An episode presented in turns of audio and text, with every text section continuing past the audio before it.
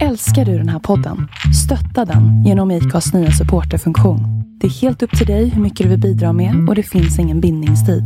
Klicka på länken i poddbeskrivningen för att visa din uppskattning och stötta podden.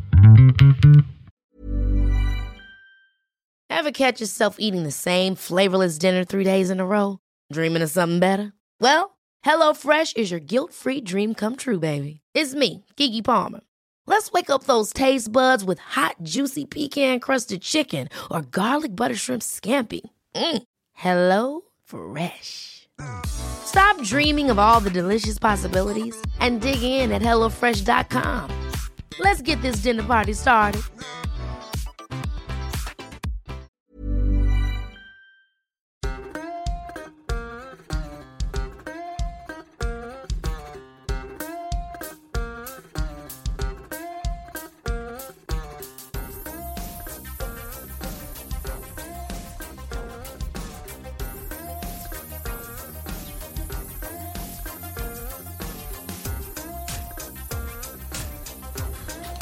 Så här. När jag startade Vi måste prata, då hade jag en lista på drömgäster. Några avcheckade, några har till och med sagt ja till den här säsongen. En som sa ja tidigt, men som inte har fått till innan, sitter nu mot mig. Drömgäst nummer ett, eller 19, eller vad vi ska kalla han.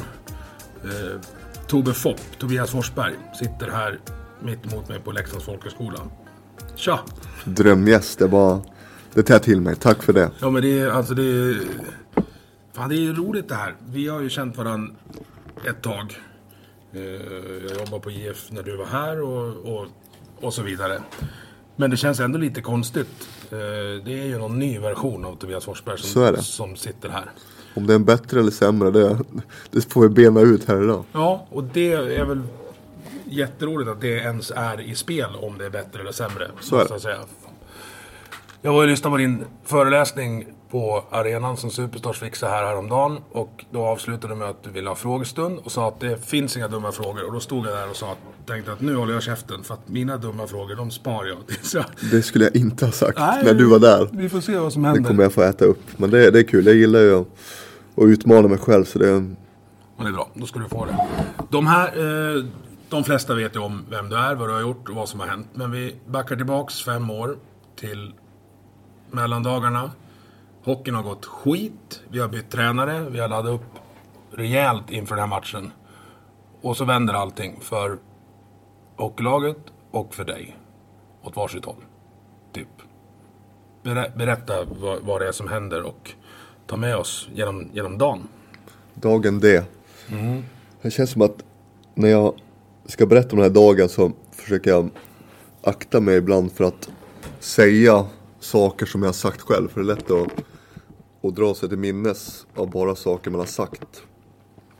Det känns väl som att de minnena försvinner lite mer och mer. Och det tror jag kan vara bra också. Men eh, som du sa så gick det ju verkligen skit för oss. Vi låg, ja, vad låg vi? Sist. Låg vi sist? Jag brukar alltid Ja, säga att vi låg åtta eller nio i tabellen. Men vi kanske låg sist. Nej, det var när vi gick upp mot Modo som vi låg sist. Då låg vi sist, men vi låg- Men vi var, det, det fanns risk för att kvala åt fel vi långt, Igen. långt nere. Jag har tagit in Roger Melin som coach. Han kom dagen innan den här matchen tror jag. Ja, men nu skulle den här vändningen komma. Äntligen. Så det var mellandagshockey. Det var skön stämning. Innan man har spelat Leksand har man ju gått igenom lite tränare. Eh, med, Ja. med olika resultat. Eh, ibland har det blivit en vändning och ibland har det inte blivit vändning. Så det, Nej, jag är skeptisk till att det var ett, ett tränarfel som gjorde att, att det gick dåligt. Men det är så svårt att sätta. Nej, men alltså, jag tror jag, om vi går in på det så tror jag oftast så är det inte ett tränarfel tror jag. Det är svårt att byta ut 20 spelare. Om det blir lite som att byta ut en målvakt, även fast han eller hon kanske inte har gjort en dålig match. Men Nej, man, men man så vill är det. ändra något. Och ibland så, så tror jag också att eh, som hockeyspelare, som idrottsman eller idrottskvinna så, så det är bara att kolla på Leksand nu. Deras vändning de har gjort. Ibland krävs det små saker. Eh, att man tänker annorlunda. För det är inte så att man blir bättre eller sämre hockeyspelare på två veckor. Utan ibland så den här mentala aspekten och så mm, att få tänka på något annat. Och vi tog in en ny tränare den dagen och Alltså själva dagen så kommer jag inte ihåg så mycket från. Eh, Det var väl en vanlig matchdag? Så. Ja, det var serielunk och sen så var det väl speciellt mellandagshockey, det är alltid bra tryck. Ehm, ja. Och sen så själva matchen så vet jag att jag någon, något byte innan där så hade jag gick axeln i led på matchen och jag hade haft problem med axlarna. Och det brukar man tänka ibland nu liksom. Och det, de tankarna blir man ju galen när man tänker liksom. Tänk om han hade varit sjuk den här matchen. Tänk om han inte hade spelat. Men så tänker jag absolut inte längre. Eh, och det är skönt. Och inte älta saker. För det, då blir man ju galen när man tänker om man hade gjort si eller så. Eh, ja. Ja, det där har jag också tänkt på. Alltså det finns ju... Det finns många filmer, jag tänker på, vad är det, Friday Night Lights va? När de, när de, det är en kille som, som tappar bort sin hjälm och så får en annan kille hoppa in och så blir han skadad, Ja. underkroppsskadad där och, och karriären är, är över. Alltså den där butterfly-effekt-grejen tänkte vi skulle prata med, eh, med alltså senare, men vi kan ta det direkt. För det, det är det är väl vad jag har funderat mest på runt din olycka då när det hände. Dels så var vi många som jobbade med, med videouppladdningen inför den här matchen. Alltså vi hade eh, Jean-Luc Grandpierre, vi hade ja, alla möjliga eh, spelare och klacklegender och folk runt omkring som uppmanade att vi skulle fylla och vända, ny tränare och så. Och då funderar man på, eller då funderade jag där. Mellan mellandagarna och eh, slutet på, på serien. Jaha, om, om vi inte hade gjort de här filmerna då kanske Tobbe hade kunnat lira. Det, alltså det var ju, ja. Jag blir så glad när du, när du säger att du inte har funderat på det. Men då antar jag att du har funderat på det. Ja, ja. de- Och det, det tror jag, så är det oavsett vilken motgång, vilket trauma man ställs för om man har någon anhörig som blir sjuk eller man själv blir sjuk. Så Det är lätt att hitta de här orsakerna. Hitta varför blev det så här. Och det är väl något man ibland, som man slås för, till och med nu när vi pratar om det så tänker man ibland hur hade det varit? Men det är väl det jag kommer fram till också att det kommer hända saker i livet. Och i slutändan så behöver det inte bara negativa saker som kommer ut av det. Gissa vad jag tänker på när jag tänker butterfly-effekt och dig och mig då? Vad säger du? Ja, men om vi hade fått tag på varandra den här kvällen på Lucky House. Så jag gjorde, när du gjorde ett eh, armlås på mig. Ja, vi var lite osams och hade inte vakterna kommit dit så snabbt så hade det nog slutat med att någon av oss hade fått sparken från Leksands IF. Och då hade vi förmodligen aldrig pratat med varandra igen. Nej. Men du hade kunnat gå. Ja. Så den har jag tänkt uh, jättemycket på eh, där och då. Den har jag aldrig berättat Och jag visste att du skulle ta upp det också. Och det, när jag tänker på det så tänker jag hur många gånger jag har hamnat i armlås med min brorsa. Ja. Och hur härligt det är. Så det ja, det är sånt som händer när, när, man, man går ut i Leksand. då är det, må- nu är det många frågetecken för de som lyssnar. Ja, nej, vi var, vi var osams och eh, eh, så vart vi lite mer osams helt enkelt. Så att folk fick dra isär. Men vi gillar varandra Ja, även då. ja, Lika var- mycket som vi gör nu. Det var ju så att då fick man ju så här ringa var det, på måndagen bara du, hej. ja, ja, det här, vi klipper inte bort någonting. Nej, aldrig i livet. Nej men just alltså en sån sak och det där tycker jag man kan ta med sig. Du pratade om, om Murphys lag på, på föreläsningen. Ja. Allt som kan Ja egentligen så allt som kan skita sig kommer inte skita sig. Allt som kan hända Kommer hända. Risk, ja, det är stor sannolikhet att det, att det kommer hända. Och med tanke på alltså, hur många minuter hockey har du spelat? Ja. Gånger 20 medspelare, gånger 20 motståndare. Det är ändå rätt få som, som Ja, liksom det gör illa sig på riktigt. Ja. Och där... Alltså det- jag tycker att det kan finnas en tendens till att, att folk överreagerar. Jag tänker på han, han som dog i England Mm. nu. Han fick alltså skridskon upp i halsen. Det händer ju aldrig. Visst, det kan vara bra att alla ska ha halsskydd, men vissa var ju så här, "Nej, men nu får vi spela i riddarutrustning. Ja, men det, jag, jag köper det du säger och där är jag glad att inte jag blev någon martyr för hockeyn. Nej. Att eh, ehm, tjejer och killars föräldrar skulle, skulle se ner på mig och säga att se så där händer när man spelar hockey. Ja. Och um, just att det är en olycka, just att det händer saker i, i livet. Jag förstår precis det du säger med, med halsskydd och att man ska vara, ha säkerhetsåtgärder. Och det, det måste man ha.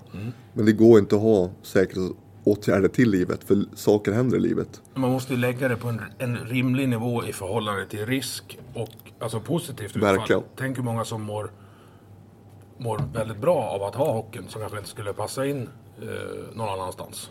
Så är det. Fan vad jag tänker på namn nu, men jag säger inga namn. Nej. Eh, alltså folk som... Ja, jag, jag tycker inte om signalpolitik eh, ens när det inte är utanför eh, politiken. Vad menar du med det? Nej men så att, att man eh, gör regler för att det ska se ut som att man gör någonting. Istället för att man kollar på vad det egentligen är för effekt och alternativkostnad på det. Tänk på, alltså fatta, fatta om, om det inte fanns hockey. Och så skulle någon komma och lansera det nu. Ja. Det skulle ju förbjudas direkt. Nej men så är det. Ja, men så vi, vill, vi vill åka i 50 kilometer i timmen. Slå på varandra med två meter långa pinnar. Och eh, gärna så här rakbladsvassa skridskor på alla också. Och ibland blir vi så arga så vi börjar slåss. bara, nej, det här tänker vi inte tillåta. Eller om någon, kom, om någon lanserade snöskotern idag. Så bara, nej, nej, nej, nej. Det får ni inte göra. Ska ni inte ha bälte? Nej, men vi har hjälm. Ja, okej. Nej, inte 200 kilometer på snön. Och ja, det är ju... Alltså snacka om butterfly effects som har kommit dit, dit man har kommit. Och så är det. Och, och den delen också tycker jag är intressant med varför man oftast hittar regler och lösningar på saker när det går åt helsike. Ja. Och det är samma där. Man hittar regler när saker har gått dåligt och man, man inför restriktioner när saker har gått dåligt. Och det är samma med min, min skada som jag pratade om i föreläsningen. Att man, man väntar till det händer någonting i livet innan man gör en förändring. Som jag gjorde också, att man väntar till att man mår så dåligt eller att man eh, åker på en hjärtinfarkt eller man, vad som helst innan man förstår att man behöver en förändring. Och det är ju mm, tyvärr så det är. Och det är det jag försöker ta med mig också. Att varför ska man tillåta sig själv att sjunka så lågt innan man gör en förändring? Och det, det, den delen är svår, det är lätt att säga det. det jag försöker verkligen leva efter det jag pratar om, men det är inte så lätt alltid heller. Nej, Och sen folk som berättar det är bara folk som har lyckats göra sin förändring. Vad sa du? Alltså, det blir det kallas för survivor, survivor bias i så eh, engelsk argumentationsvetenskap eller inte, men argumentationsstudier. Att ja, men de, de som lyckas Ja. eh, göra en förändring eh, berättar om hur de gjorde sin förändring. Och då blir det, det blir liksom bara folk Ja, som, som har, har lyckats med, alltså det är samma sak med viktnedgång eller Mm. träning eller springa en mara eller alltså vad som helst. Eller här integration för den delen Mm. också. Alltså det är lätt att, att sitta när man är i, i sin bostadsrätt och prata om att folk måste ta sig ur utanförskapsområdena för att ta, ta den, det exemplet. Men så här, ja men hur och den vägen som funkade för dig i det här fallet behöver inte vara rätt väg för någon annan. Man kan inte staka ut vägen åt annan, man kan berätta att på något sätt så finns det en väg för de flesta att Ja. få ordning på det. Och där känner jag också att det ibland så blir det att man blir någon typ av måttstock för elände. Jag menar att eh, det är så många som ofta kommer fram till mig och till och med familj, vänner som, som eh, har problem och säger ja men det här har hänt mig och det här hände mig. Men det är inte något jämfört med dig. Och då säger jag alltid så där kan du inte säga. För att jag blev måttstock på vad som har hänt mig. Och det spelar ingen roll vilken motgång man ställs för, precis som du sa. På något sätt måste man handskas med den på sitt eget sätt. Jo, Man, må, man måste gräva där man står, eh, så att säga. Och, och risken finns ju också nu, som du säger, när de pratar med dig, att de kommer fram och så reducerar de sina problem. Ja, ja. Och det är inte rätt sätt att ta tag i sina problem. Nej, men det är det Alltså, inte. Ofta så känner jag nu när jag har testat på både stora och små utmaningar att när jag bröt nacken så kan det bli ganska tydligt också och lätt, inte lätt. Jag menar lätt i det hänseendet att det blir så tydligt att motgången är tydlig och att man måste göra en förändring. Ofta så är de här små problemen, mental ohälsa, att man, att man trycker bort saker. Det är de svåra sakerna som är mer diffusa. När man inte vet hur man ska ta tag i saker. Om man dra... Och de som inte syns. Ja men precis. Alltså det är, eh, det är jätte, jag jobbar ju med, med eh, ADHD-ungarna eh, Mm. vid sidan av. Och det är många av dem som är liksom supersmarta och när de, det blir ett smalt spektrum på vad man, vad man är bra på. Eh, Precis som att det blir ett smalt spektrum på vad man, vad man har problem med. Och när det skiljer sig från där, där vanliga människor inte har problem Nej. så blir det... De grejerna de blir bra på blir de jättebra på. Men sen finns det saker som att man... Som man alltså, om jag tar mig själv som exempel. Hyfsat bra klackledare. Jättedålig på kuvert. Så. Och för mig är det ju... Det är inget svårt att leda klack, utan det kan jag. Men alla andra kan betala sina räkningar och det fixar inte jag. Nej. Men känner du ibland, jag kallar min situation som en funktionsutmaning. Känner du att din funktionsutmaning ibland att du tar det som en ursäkt? För det tycker jag är en intressant del att ta upp att jag känner ibland att jag måste akta mig för att ha min funktionsutmaning som en ursäkt. Som lathet och det känner jag ibland att jag faller in i det mönstret. Ja. Håller du med dig att du ibland skyller din funktionsutmaning? Det beror lite på vem, i vilken situation det är. Det blir lätt att skylla det mot någon som man har en flyktig eh, situation med. Ja. Alltså någon som man inte... Jag kan ju inte göra det hemma. Nej. Jag bor ju med Therese. Liksom. Aldrig. Så, aldrig. Utan då handlar det om att säga, ja, men, ju- så här, jag klarar inte av det här, men jag är bra på de här grejerna. Så att då, ja, men till exempel räkningar. Ja, jag jag har inte öppnat jävla kuvert sedan vi flyttade ihop. Och hon har inte behövt öppna, eh, skrika över att en syltburk sitter fast. För att det kan jag. Gärna sådana tacos, för de kan jag öppna med en hand oftast fast hon inte får upp dem. Då, Men känner du, att, känner du inte då att du sätter upp gränser för dig själv? För det känner jag att jag tycker är svårt också. Att jag ibland sätter upp gränser för, för mig själv och skyller på min nackskada. Mm. Och det tycker jag är väldigt svårt. Hänger du med vad jag menar? ja, ja, det- blir en, en så, uh, slipper ur fängelsekort Ja, men lite som så. kliar lite Ja. i fickan. Jo, alltså. Mänskliga latheten är ju... Skulle jag behöva... eh, det, det där är det sjuka. Eh, min firmas ekonomi sköter Mm. jag. Ja. Den fixar jag. ja. Mm. Varför då? Jag vet inte. Nej. Kanske för att jag inte vill att Therese ska veta hur mycket alla prylar Nej, kostar. exakt, exakt. Nej men, eh, och det där har jag också tänkt på. Men samtidigt så accepterar jag det. Eh, att mina flaskhalsar sitter på andra ställen Ja. än vad hennes gör. Så att om hon hjälper mig med min trånga sektor så hjälper jag eh, med hennes. Det vill säga, så här, men jag har hand om robotgräsklipparen, bilen, wifi och, och inte saker som jag nödvändigtvis tycker är, är roligt. Men som jag är bättre lämpad än hon på det. Nej, jag förstår. Alltså vi täcker upp för varann.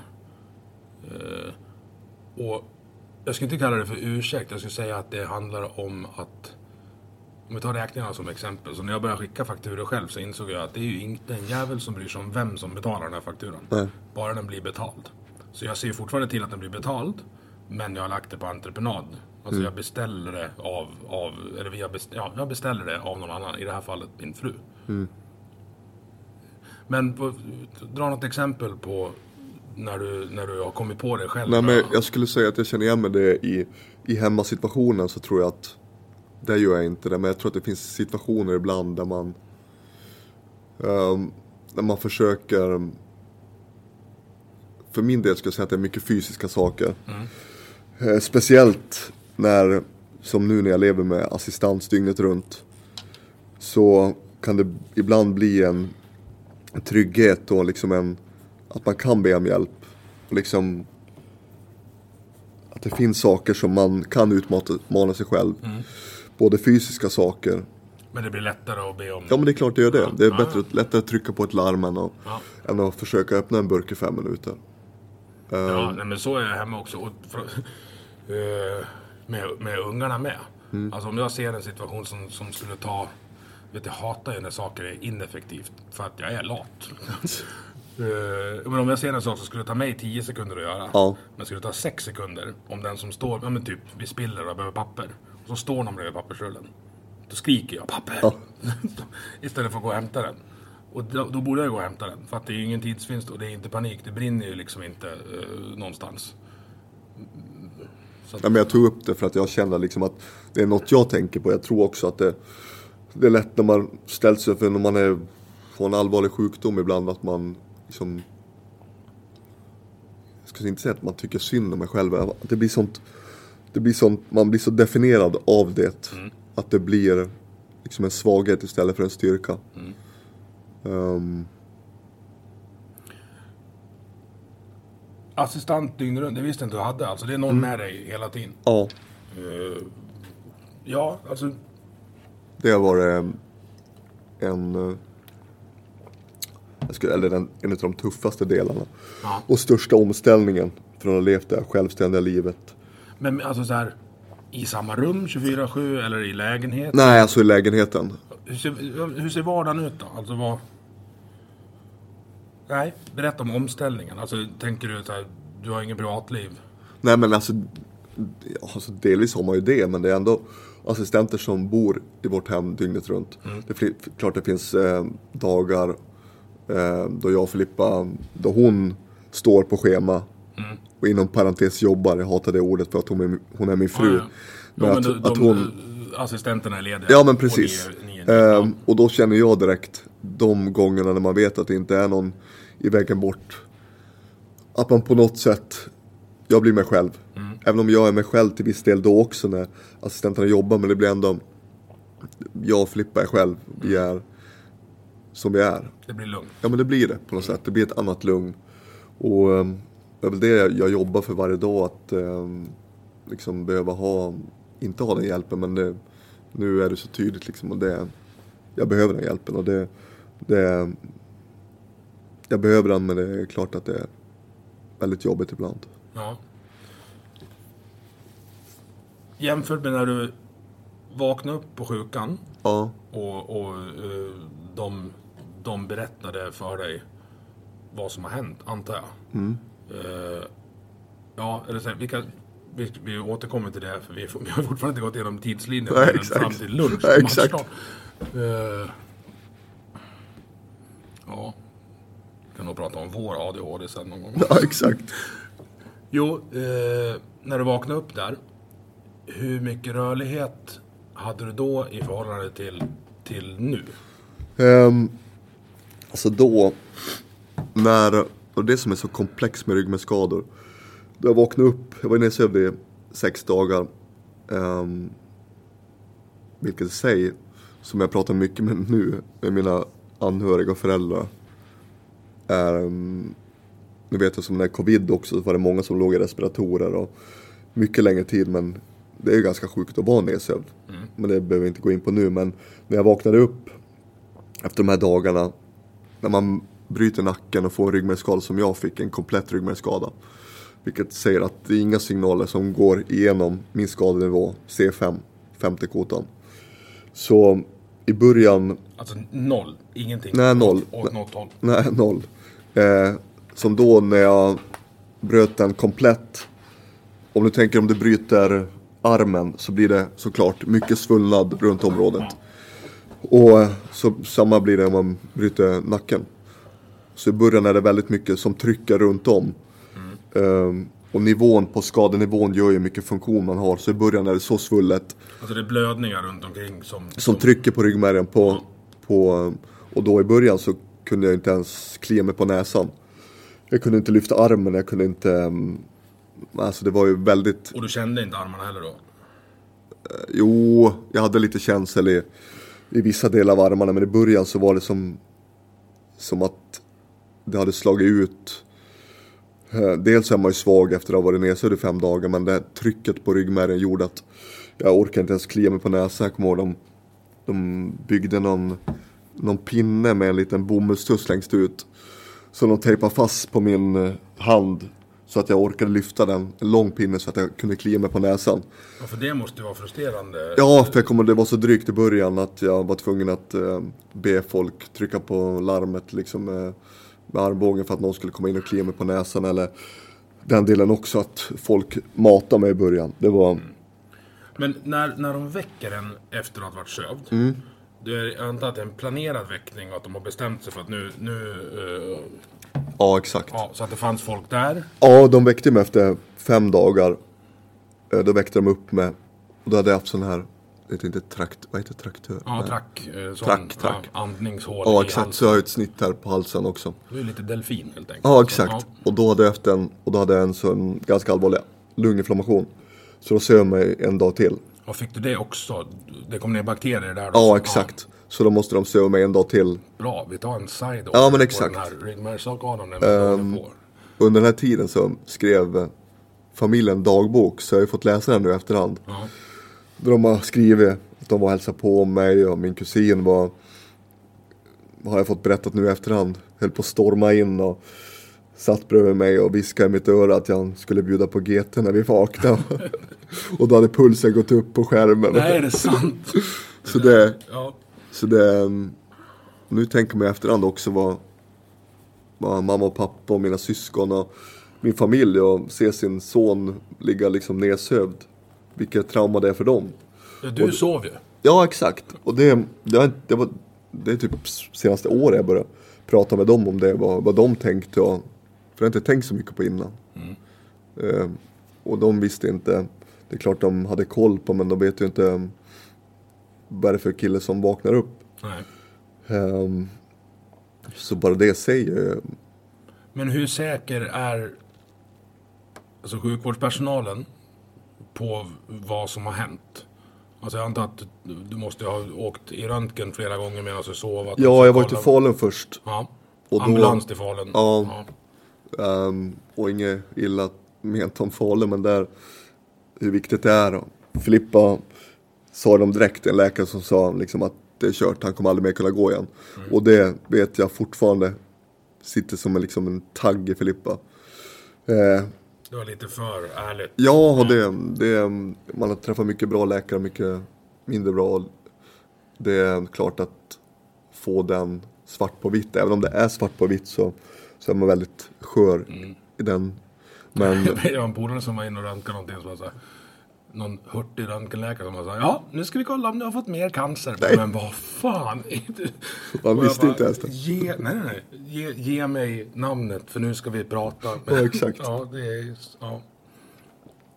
nej men då var det ganska, Så det här är ju en personlig preferens också. Vissa Ja. hade säkert velat haft, nu får du säga precis som det är, Mm. rakt av. Men om inte Filippa har bett om det så kanske man inte ska. Ja, nej men det, svara, för att svara på din fråga så tror jag ändå det, det är ganska tydligt att de ser på, på magnetröntgen att det är av och sen så det är väldigt komplext. Alltså jag, jag har ju träffat folk på Rehabilitation Stockholm som jag låg inne där som har samma typ av nackskada fast den är inte komplett. Så att de kan gå. Men de kanske inte känner ena benet. Så det, alltså det, är, det är små trådar som, som är i det här nätverket av ryggmärgen. Och det, det fattar jag inte ens själv hur det funkar. Men det finns inkompletta skador, det finns kompletta, kompletta ganska många trådar också. Ja men det är det. Sen fin- det finns ju något... Eh, vi, vi vart ju av med eh, två av de killarna som Bröder handlar om. Som dog. Var ju på sex dagar där under, under någon kvalserie. Eh, en av dem var också med i en olycka. Och då läckte ryggmärg ut i blodet. Okej, Och det dör man tydligen av. det är sant. Om, om det inte eh, blir ordnat. De säger att det var det som, någon Formel 1, som tog någon Formel 1-förare också. Jag kommer inte ihåg om det var Senna kanske, eller vad heter han? Jag har hört talas om, ja, mm, jag har talas om det spinal fluid. Ja, men så blir ryggmärgsförgiftad. Jaha, den sitter, jag vet att den där vätskan sitter på sidorna av ryggmärgen. Men jag visste inte att det, det fanns, Nu sitter alla läkare här och skriker att jag har fel, men det är möjligt att det jag har fel. finns stor Det- chans. Jag har googlat själv. Ja exakt, Google har alltid rätt. Jag funderar, jag tänker mycket på, alltså när du öppnar ögonen för första gången, kommer Mm. du ihåg det? Nej, hela den, För det må, alltså jag kan tänka mig att det är det finns en teori om att man kommer ihåg att man föds. Men det är en sån traumatisk upplevelse så hjärnan bara stänger. Det här- Det här ska vi inte komma ihåg. Ja. Jag funderar på om det här är typ lika jävla läskigt. nej men alltså det som jag berättade om i föreläsningen också när, när, när man fick beskedet och, och sen hela de, alltså det är en väldigt lång period. Då jag har mycket minnen och jag vet inte om det är tre månader senare, om det är en dag efter, om det är fem, eller inte en dag, då var jag nere, men om det är när jag vaknar upp så jag har så mycket minnen eh, från den här tiden som jag inte vet. Du kan, du kan inte placera dem jag kan inte placera dem. Nej. Och jag trodde att jag låg på intensiven där. Så låg jag där. Ja, Och nu är vi i Uppsala. ja, när vi var i Uppsala så låg jag ju under väldigt lång tid efter uppvaket. Och jag trodde att jag hade legat i, så att de flyttade runt mig i fem rum och det var olika dekorer och olika, på olika ställen. Men jag har ju legat på samma ställe. Så det är ju sjukt hur twisted mind man kan få av chock i kroppen och massa medicin, En del mediciner. painkillers Ja. också. Ja. Drömde en dröm där Jon Knuts och Martin Karlsson åkte skidor och jag är inne i någon Fortnite-värld och det Alltså det, det, det, det är sjukt vad, ja, det kan ju vara mardrömmar bara med de två. att se dem åka Ja. skidor. Nej, hur... Oavsett var vi är på den här tidslinjen då. Alltså... Vad... De första känslorna och klara tankarna du kommer ihåg efter uppvaket. Jag antar att de inte var ljusa. Nej men alltså de var inte så mörka. Nej. Det var Det var Och var totalt det glad att jag lever-känsla? Nej, nej, ingen, inga rationella tankar alls. Nej. Det var... Där om, om du har sett en film och du ser det porträtteras som att man får en dålig nyhet och du får det här pipljudet och man ser, Ja, läpp, ja, man ser läpparna rör sig. Det är så bra porträtterat i filmer. Den här blockaden när man, jag tror det är, alltså det är någon typ av, eh, vad heter det? Skyddsnät, vad heter det? Någon typ av Ja, men typ... man slår bort. Traumareaktion. Ja men exakt. Att man slår bort allting för att det är för, det är för stort att ta in. Eh, och så var det verkligen. Alltså den här blockaden av ehm, att bara slå av alla känslor. Alltså inte arg, det var som att ja, det var det. Ja, ja, det där känner jag igen. Jag pratar om det där när jag, när jag föreläser också. och Försöker förklara för folk att, att oavsett vad du är med om som är drygt så kan det bli en erfarenhet du, du kan plocka ut sen. Och som du eller någon annan kan ha, ha eh, nytta av. Jag vet inte, när, alltså när flyttade du hit? 2011? 11. Ja. 2004? Ja, det var det. 04-05 så var jag med i en bilolycka. Eh, borta vid Noretgården. Vi voltade i en Saab. Eh, typ 12 varv i en bra bit över 100 km i timmen. Jäklar. Och då var jag helt säker på att jag skulle dö. Och då blir kroppen helt lugn. Så helt lugn medan jag voltar. Tänderna I sitter den, mitt i mitt skiten. i luften. Glassplitter, tänderna sitter i instrumentbrädan och jag bara jaha. Det var lite tidigare än vad jag hade trott. Eh, Det ska bli kul att se eh, om det finns något på andra sidan. Hur rationell som helst. Och sen när... eh, Ja, sen kraschade vi och så vart jag urklippt och ivägkörd av brandmän som jag, som jag känner igen och skämdes lite över över- över mitt i natten. Eh, Kör mig till Falun. De har ihjäl mig om ni kör mig till Mora. Hade jag tydligen skrikit när de lastade in i ambulansen. Eh, men ja, sen började jag jobba eh, åt LEF. Och sen eh, kraschade Jaroslav. Var det här 2011? Ja, det här var 04. Ja du sa 04, jaha, ja, okej. Men sen kraschade Jaroslav och Stefan Liv. Och då var det några i omklädningsrummet som sa att jag undrar, det var så jobbigt för jag undrar vad de tänkte när det var kört. Ja. Och då kunde jag plocka undan dem och säga att det behöver ni inte oroa er för. För att när det är kört, då blir man lugn. Och det sa, sa de då, som var det några hade spelat med Stefan, att det hjälpte dem i varje fall lite på, på vägen. Men jag förstår precis, det det var det som var lång, lång, lång sidospår för att komma till att jag fattar vad du menar. Just det med det här när kroppen blockar ute eh, det värsta. ja. Men det kan ju ändå bli ett uppvaknande när de blockaderna försvinner. Så är det ju. Det, Om man det, ska börja det, hantera Ja, herregud. Så är det ju. Hur var det? Jag, men jag vill inte in och... Jo, jag vill in och gojsa lite nu i det. I det alltså så här, När har det varit... Det måste ha varit svackor. Alltså rejäla. Så Ja, När, när kom de och, och hur fan tog du igenom dem? oj. Um, nej, men alltså de, de kommer ju fortfarande. Ja. Och det, den tiden på sjukhuset, alltså det var ju ett krig i sig. Men det alltså största kriget börjar ju när man lämnar den tryggheten. Och där är ju, kan ju säga det nu också, så det, det um, Ibland så känner jag att jag undervärderar hur det har varit ibland för att jag vill att folk inte ska tycka att jag har det jobbigt. Men det, det är klart det är skitjobbigt fortfarande ibland. Och där känner jag att jag måste vara mer ärlig mot, mot andra som råkar ut för saker också. Att det, alltså det, som du sa också, det finns inget framgångsrecept som man bara följer. Utan det är, det är ju tuffa svackor fortfarande. Men när jag lämnade sjukhuset, det var ju absolut den, alltså den tuffaste reality-checken. Vart hamnade du då? då? Alltså efter sjukhuset? Uh, nej men alltså när jag kom hem från, jag låg inne fem månader totalt och när jag lämnade till Stockholm. Ja. Och då hade ni fixat en lägenhet? Ja exakt. Alltså när du säger hem? Ja. ja. Så det, bara där är en liten identitetssvacka, inte svacka, identitetshopp också. Jag hann inte ens upp i min lägenhet här i, på Noret. Um, ibland bru- brukar jag fundera om vi hade flyttat hit till Leksand, hur, hur, det hade, hur det hade gått, hur det hade mottagits. Det brukar jag ibland fundera på. Hur det ska vara på byn? Ja, vad, vad tror du? Som vanligt. Men ja. Nej men alltså folk, får, ja kanske lite, alltså så här. Folk här är ju van vid hockeyspelare. alltså det är ju... Du kan ju hamna mellan NHLs argaste backpar någonsin, Kjell och Ulf, liksom på Hemköp, utan att de tacklar en. Ja. och, och så. Eh, sen vet jag inte, jag har ju varit så nära hockeyn hela livet. Men jag, jag tror att Jag tror det mer hade tagit tid att åka och handla för dig. Så. Ja, men jag, jag tror mer det är från min sida. Och det märker jag nu när man kommer ihåg hur nervös jag var första gången jag skulle in i Tegera. Eller första... Var det 100 års... Eh, Ja, exakt. festen? Ja, men precis. Vi bodde här på folkhögskolan och jag kommer ihåg hur nervös jag var.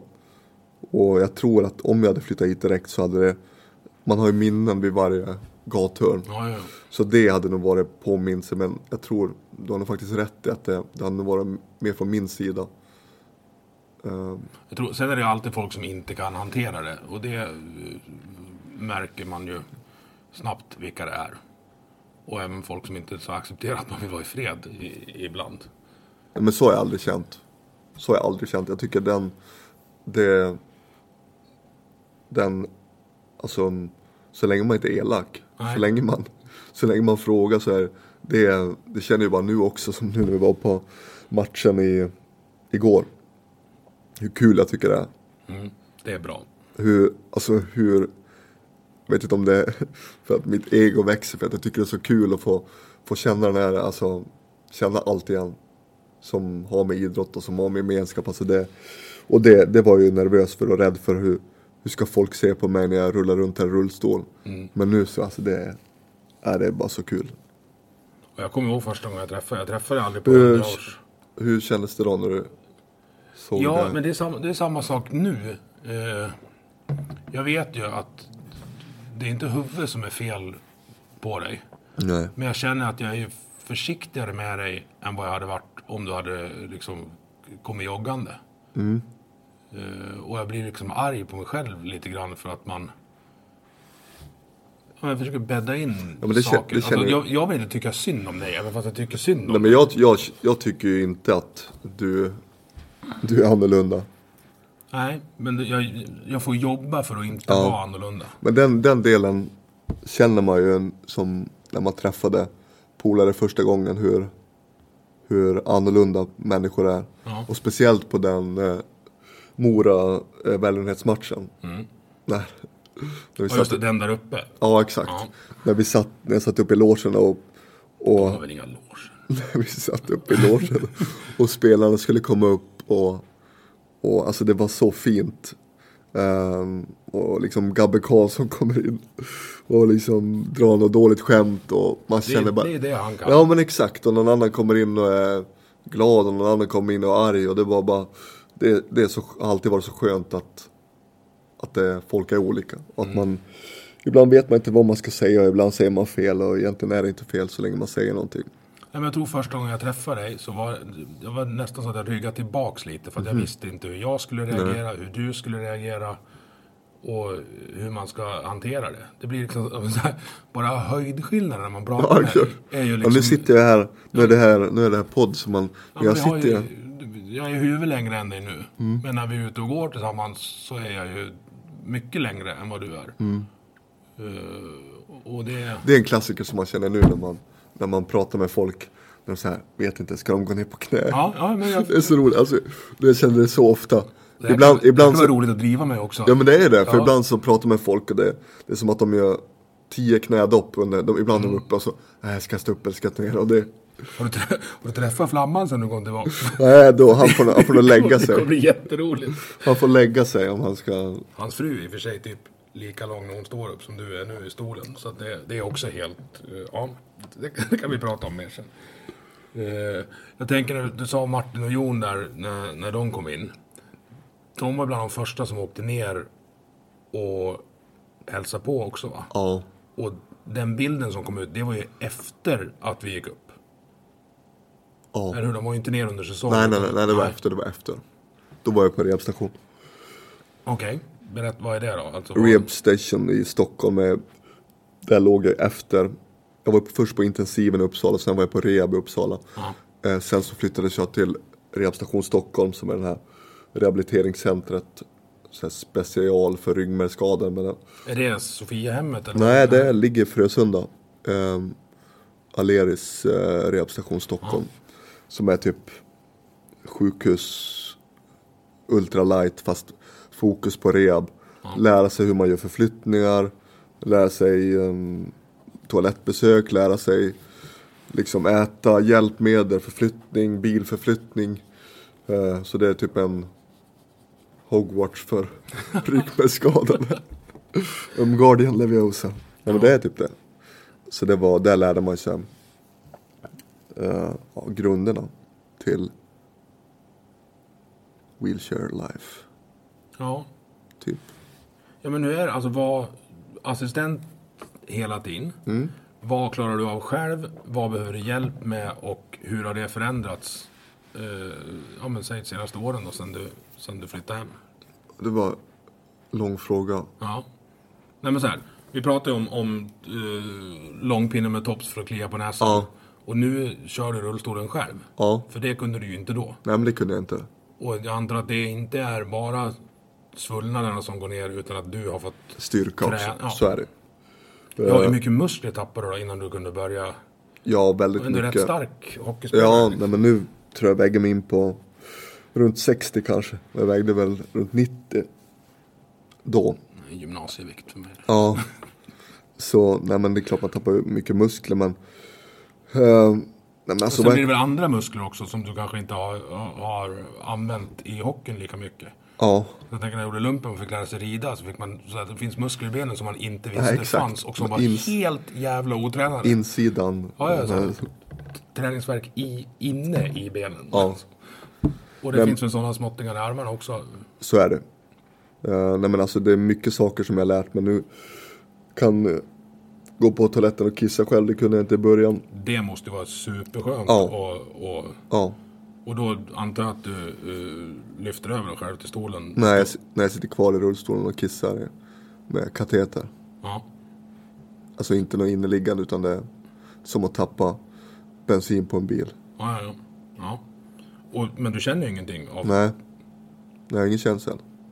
hur, hur gör du då? Nu kommer vi in på de här dumma frågorna. Som, som jag är så glad att jag känner det så jag törs ställa dem. Ja. Alltså, kör du en timer då? Att nu är det förmodligen dags att kissa? Nej, det där, är- det där är en bra fråga. Och När jag blir kissnödig så känner jag inte som förut att jag blir kissnödig. Nej. Utan jag får det kallas autonom dysreflexi. Eh, som är, det blir som en kall kår i hela kroppen. Det blir som en, eh, jag blir frossig, jag får gåshud på hela kroppen. Det blir som att det blir en kall kår och då, då vet jag, nu känner jag eh, skillnad på den här. Alltså det skulle vara samma om, om du hade suttit här under och haft, eller jag hade suttit med en, där det var en spik på bordet. Ja. Då hade jag också fått AD som jag kallar autonom dysreflexi. Som är en signal på kroppen att det är något som är fel. Ehm, Men då är det ju någonting som, som signalerar Ja, det är vid det. sidan av ryggmärgen. ja, precis. Fan, och det det, det, Det är något wifi. ja men, nej men det är ju alla de, om du tänker, nu får jag hoppas att det inte sitter någon läkare. Jo, men det är bra, Nej men alltså jag, på, Då får de- de om du, om du tänker liksom njurar, eh, lever, organ, hjärtat. Ja, ja. De är ju inte på samma eh, lina som ryggmärgsskadan. Då hade jag dött. Då hade alla som bryter rygg märgen dött. Ja, de är, alltså, det är, de är autonoma. De, sköter ja men exakt, Ja. precis. Det heter ju det autonoma nervsystemet. Eh, de är på sidan om. Eh, nu vet jag inte om jag är ute på, på Nej, tunnis. Så att liksom, jag kan ju känna att jag har ont i magen. Det kan jag känna. Ja. I magen. Men jag känner ju inte om du trycker på min mage. Eh, så de är ju på en annan lina. Så när jag är kissnödig så får jag den här kalla kåren av kroppen. Eh, och nu kan jag ju avskilja om det är för att jag har suttit för länge. Att jag måste röra mig. Om du säger att jag liksom rör mig för att jag inte ska få trycksår på röven. Eller på ryggen. Eh, eller vad det är för problem som jag har. Så då känner jag att jag behöver gå och kissa. Och det är samma med spasticitet som inte många vet. Ibland så ser man mina ben hoppa. Ja. Eh, och det är spasticitet i benen. Och det är också ett, en signal på om mina ben skulle börja rycka nu. Då skulle jag känna det. Även om jag inte känner benen. För att jag känner att det rycker till Ja. hela vägen upp till liksom axlar. Och, och då förstår jag att nu är det något som är fel. Nu kanske ja, jag sitter för nära. Jag sitter med knät mot en stålbit. Eller att jag måste röra mig. Eller... Så det, de här signalerna har ju man lärt sig mer och mer. Och det, det routar om på Ja, något sätt. och det är det som väcker mig på nätterna också. Som den här spaciteten. Ibland så flyger knäna upp. Liksom i bröstet. Hela vägen upp. Alltså de är extremt eh, hårda. De här sp- spatten som jag kallar dem. Och vissa har ju liksom spatt i ryggen och magen. Så vissa kan ha att det, det är som en nervreflex. Eh, reflex, där musklerna drar ihop sig. Så vissa har ju liksom som har samma skada som jag har i mage och rygg. Att det blir att de det rycker till så att de flyger fram ur stolen så måste ha bälte på. Men jag har väldigt mycket i benen. Och det är positivt att de får de här signalerna men, och bibehåller lite muskler kanske. Men det är, nätterna är ju det är ju skitdrygt. Alltså jag har inte sovit. Är det varje natt? Ja, herregud. Jag har inte sovit en hel. Jag tror jag sov en hel natt. Alltså när jag inte behöver vända mig eller någonting på de här åren. Alltså det, den delen önskar mig att man bara får sova. Ja. Alltså sömnen är så jävla viktig Ja men det är det. Det är det, det, är det verkligen. Så det, Var du en sån eh, sova mellan värmning och matchkille Mhm. också va? verkligen. Ja. Så det, men det är mycket man har fått lära sig om kroppen som man inte visste förut. Som, som man trodde att det var att förlamningen bara att inte kunna röra sig. Men det är så mycket annat med, med blåsa tarm, med trycksår, med urinvägsinfektioner, med, med nageltrång, med alltså, saker som man... Nageltrång, blir det också? Nej men det är ju samma där med, alltså om, man får ett nageltrång så, jag märker inte att jag har ont. Jag märker att min- jag får mer spacitet. Men det kan ju leda till en infektion som inte jag märker. Som man liksom blir ett sår. Som kan bli blodförgiftning om man inte liksom håller koll på sakerna. Ja. Ehm, Men kör assistenterna och Filippa någon slags besiktning på det ibland och kollar igenom? nej, alltså det, jag håller ju koll för det mesta själv. För jag märker, jag märker när det är något fel.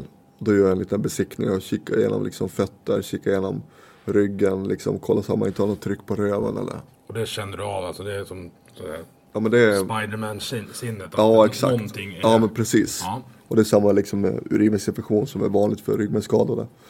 Eh, det är också, det kan bli farligt. Nu hade jag en eh, nyligt som hade liksom blivit en njurbäckensinflammation för att bakterierna gått upp och satt sig på njurarna. Det är liksom, Mm. det kan ju vara livshotande om man inte gör någonting. Så då fick jag antibiotika och då var jag riktigt risig. Alltså det var ju hög feber och det var ju, Kände du av det innan febern så du märkte ja jag, jag började någonting var... jag började liksom ana att och då tänkte jag, nu dricker jag lite mycket citron och tranbär. Och väntade med um, väntade med att åka in. Och sen så åkte jag på akuten sen och då sa de liksom sänkan såg ju kass ut och det var Så det är mycket saker att hålla koll på som man inte tänker på i vanliga fall som, som jag som jag tänker på så mycket. Bara nu sitter jag och tänker, jag kollar bort på vattenflaskan, hur mycket vatten jag har druckit. Liksom Filippa um, är borta, för jag behöver ju hjälp att ta fram mina toalettsaker om jag ska gå på toaletten. Så det, det tar mycket kraft i mig också att tänka på de här sakerna. Hur länge jag har suttit när jag behöver gå på toaletten, jag har inte med mig en hygienstol, ska jag in nummer två. Liksom det, Jag bär det om du behöver. Det Ja, jag. ja. Det, så det är mycket saker som, som snurrar runt i huvudet som man får. kommer du ihåg han Jonas från Falun som sitter i rullstol som var med uh, runt hockeyn och, och fixade och donade? Mm. Vi, var, vi var i Södertälje någon gång och de visste inte att han satt i rullstol. Nej. Så de gav oss logen bakom bortastå som man ser upp, du vet. Ja, jag vet vilken du menar. Ja. Jag fick bära han upp för trappan. så brandmanska, och du vet, det är ganska branta trappor i Ja. Scaniarinken. Så när vi skulle ner, och det fanns inga räcken. Nej. Vi skulle ner, då det var mm. Så, så om du vill gå på toa så kan, kan vi lösa det. Ja, jag, du, får jag, väl, du får välja jag har många bärhistorier alltså. Som har, det var i, när var vi i Mallorca, när vi var i, um, i Barca med några kompisar. Och då skulle vi upp på en takbar. Mm. Stentrappor, alltså det var typ sju våningar upp, hissen sönder. Och så gamla stentrappor. Ja, gamla Inte- stentrappor. Inte, inte ett rakt tapp. Nej. Så man har blivit buren upp och ner, men för mig är det, det är bara att sitta, det är de som bär. Så det, Mm. Det får man ta. Nu backar vi tillbaks till... Den här Ja. tidslinjen är lite fram och tillbaka, men det är kul, det är bra. Dagen, dagen det hände. Vi pratade om Butterfly Effect, vi pratade om Lucky House, vi pratade om, om Roger Melin och så. Och vi pratade också om, om hur många timmar hockey det spelas per allvarlig skada. Jag tänker på, på Almtuna-killen som du hakade ihop med. Mm. Dels, det var ju ingen tackling eller någonting, utan det var ju bara en, sit, en sån Ja, ja. In mot sargen, Ja, verkligen. jakt på puck. Eh, vad nu ska med den till? Det var ju boxplay. ja, var det, det var boxplay? Ja, ja. Har du pratat med han någonting? Nej, den där frågan fick jag på typ två föreläsningar sedan. Och Jag vet inte ens vad han hette. Men Nej, inte jag heller. hänga ut den här. nej, men, nej, det är inte hänga ut, men jag känner att jag vill, jag skulle vilja Som du sa så var det en olycka, han hade ju ing, inget med det att göra. Eh, så det, men det vore ändå intressant att liksom snacka med honom och höra så att han inte tycker det är jobbigt. Precis. Det hoppas jag att, det vet jag att han, eller jag vet inte att han inte gör det, men jag hoppas att han inte gör det. För att det var ju en olycka, men det, Mm. det, det måste jag kolla upp. Ja, ja det, Faktiskt. det hade jag gjort. eh, Falun? Jo, jag tänkte där. Jag, jag satt ju... Jag jobbade ju inte kvar då. Utan då var jag på, på eh, annat håll. Men jag hade bloggen eh, på Falu-Kuriren. Så jag satt ju på läktaren. Och det här var ju i inledningen av min, min Twitter-karriär. Men jag kommer ihåg hur så här, det fanns många hjältar eh, där och då i hanteringen. Det var säkert några som, som kanske inte var så duktiga heller. Men det var... Eh, så att typ, medan du ligger kvar på isen så får jag ett sms från Klas Tirus. Bara... Eh, Tobbes brorsa följer dig på Twitter. Vi får inte tag på han. Skicka ett DM så att, så att, och be han skicka ditt nummer för vi, vi ska behöva prata med han. Det var, alltså, det var allt. Och sen då, då började jag jaga. För alltså, vad låg du? En, en kvart, 20 minuter va? Tror jag på Då är jag så isen. länge på isen. Ja, det, var, ja, det var ju paus också. Där. Ja. Ja. men så, ja, så jag hade... De bröt det. Det var 19 minuter. Det hade gått 19 minuter in Ja. på perioden och sånt. Så de bröt och, och flyttade sista minuten. Och så tog de paus. Eh, Så under den pausen så, ja. Eh, jagade reda på Johan. Fick du tag i? Ja, eh, men Claes hade gått ut brett. Så att när, när han svarade mig så hade han redan ringt in själv. Ja. Alltså, hade du någon familj förutom Filippa på plats på matchen? Eller var hon ens där? Jo, jag flippade av det. Ja. Flippade av på plats. Eh, sen så... Morsan flög ju ner. Från Peter? Ja, Ja. jag kom ju till... De höll på att ehm, bestämma om jag skulle...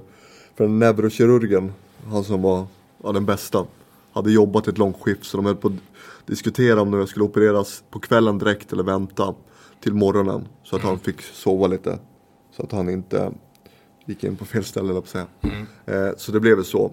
Så det är operation direkt när du kommer in alltså?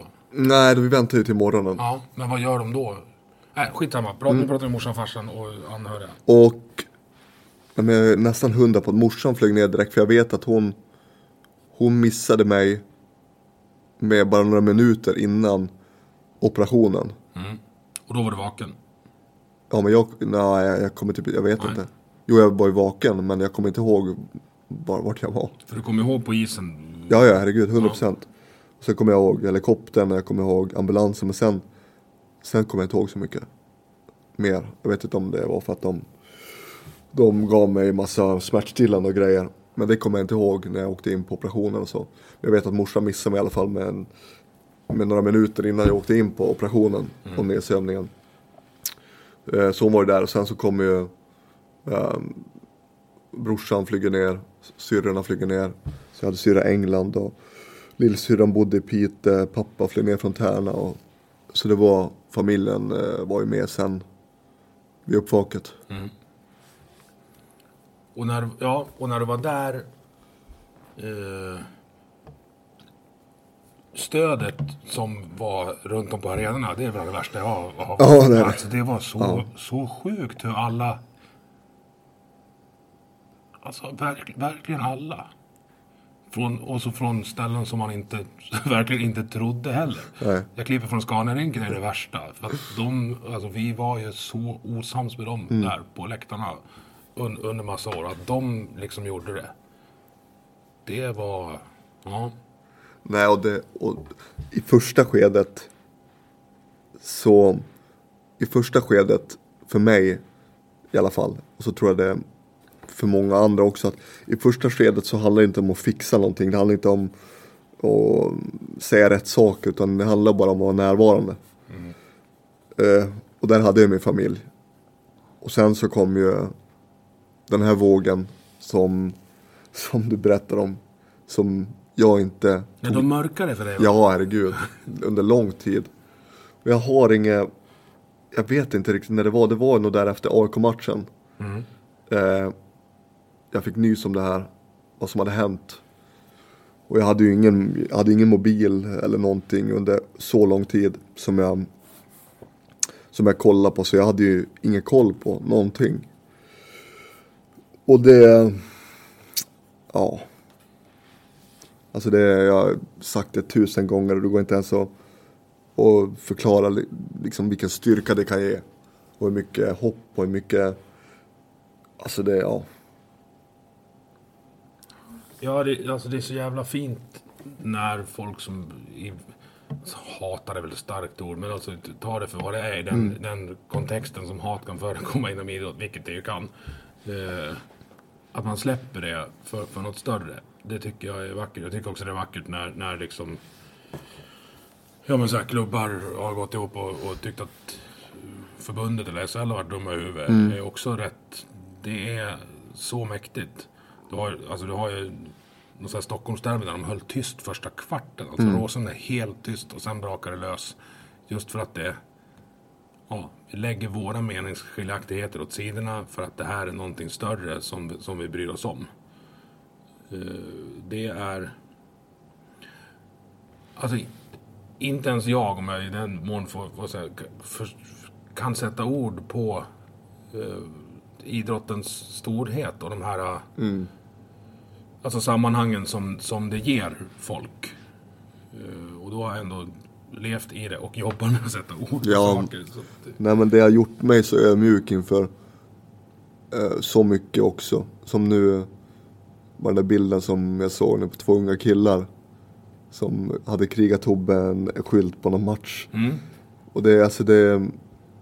Jag blir så ödmjuk för, och glad för sådana saker. Alltså det, jag säger att, att man blir glad och det är klart man ska säga det. Men det, alltså det, det kan plocka upp mig ur svackor fortfarande. När man ser det här och bara får en ja, tacksamhet. Det är det minsta jag kan säga. Så det är, ja, vad ska man säga? Det är helt sjukt. Sen är det folk, alltså det finns ju folk som är åt andra hållet också. Jag tänker om, alltså är det någon som har... Så märker du att någon försöker använda dig och din situation som ett verktyg för att ta, för att blåsa upp sig själv eller vad man ska säga. Alltså, har du haft några sådana... På vilket sätt då? Nej men jag vet inte, alltså så här, när, från Leksands IFs håll så var man ju jättetydliga med att vi, vi ber er respektera familjen och, och så. Alltså ut, ut emot ja, alltså allihopa och journalister och så. Och det fixar ju alla utom en. Eh, samma idiot som inte klarar av det runt Börje Salming heller. Och jag, jag fattar liksom inte bara... Ja. Nej men jag tycker det var, alltså det var, det var, jag tycker att det var, från mitt håll var det väldigt bra respekt att vi ville hålla det, hålla det inte hemligt men vi vill hålla liksom lite locket på.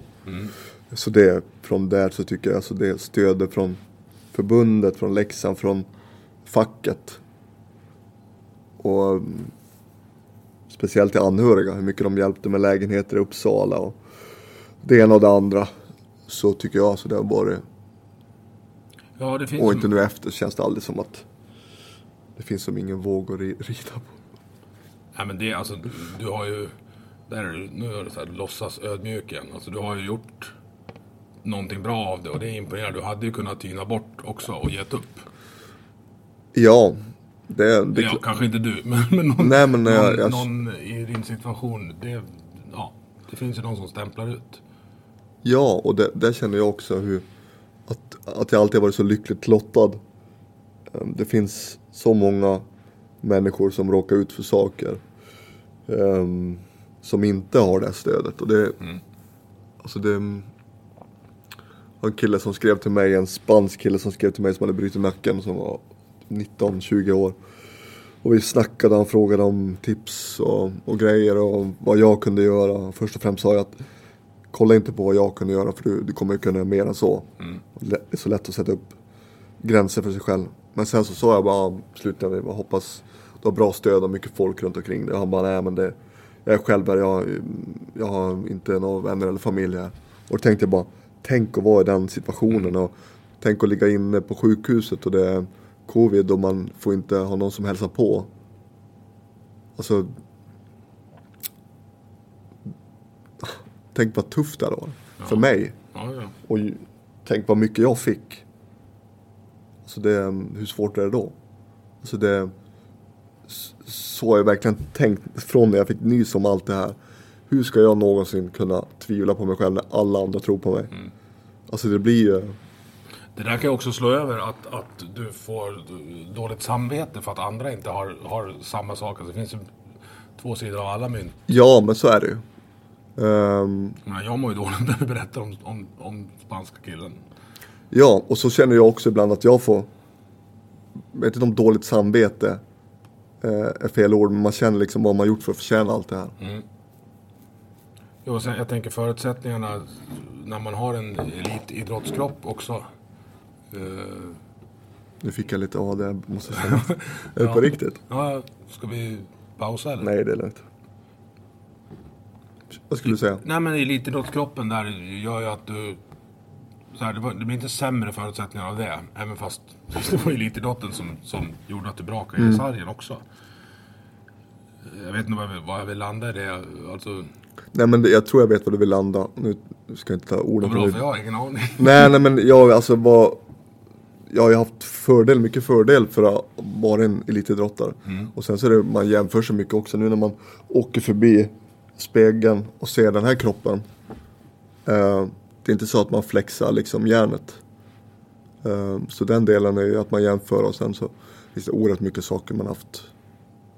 Det är mer fördelar man har haft att, att känna sin kropp. Men sen så jämför man också eftersom att liksom, fysiken har varit mitt verktyg. Det har ju varit mitt allt.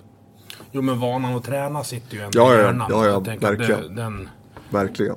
eh, jag är ju som ni vet långt ifrån elitidrottare. Men alltså min motsvarighet är väl lumpen och där, där det var så här. Byt strumpor, drick Mm. vatten, fortsätt gå.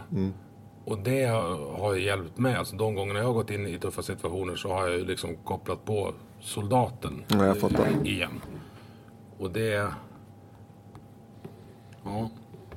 Någon annan som jag tänker på, om, om Tirus var en hjälte när det hände så förstår jag att, att eh, din agent eh, Micke Leander var någon slags spindel i nätet under hela eh, processen också va? Ja, det var han verkligen. Och han skötte ju kommunikationen.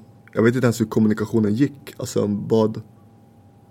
Hur gick snacket på Nordet? Var det mycket spekulationer? Nej, det var inte det för, förutom från en då. eh, Micke tog nog allting.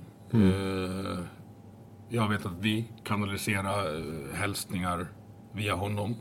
Och sen fick man lita på att han var så pass nära och informerad. Eh, och jag, jag kommer ihåg, vi hade ett snack med honom. Jag vill inte veta någonting mer än någon annan. Absolut inte. För jag menar, jag kompis med dig och kompis med han. Mm. Men också har jag lärt mig av, av hur det är kring det här hockeylaget som har ett ganska stort intresse. Att Mm.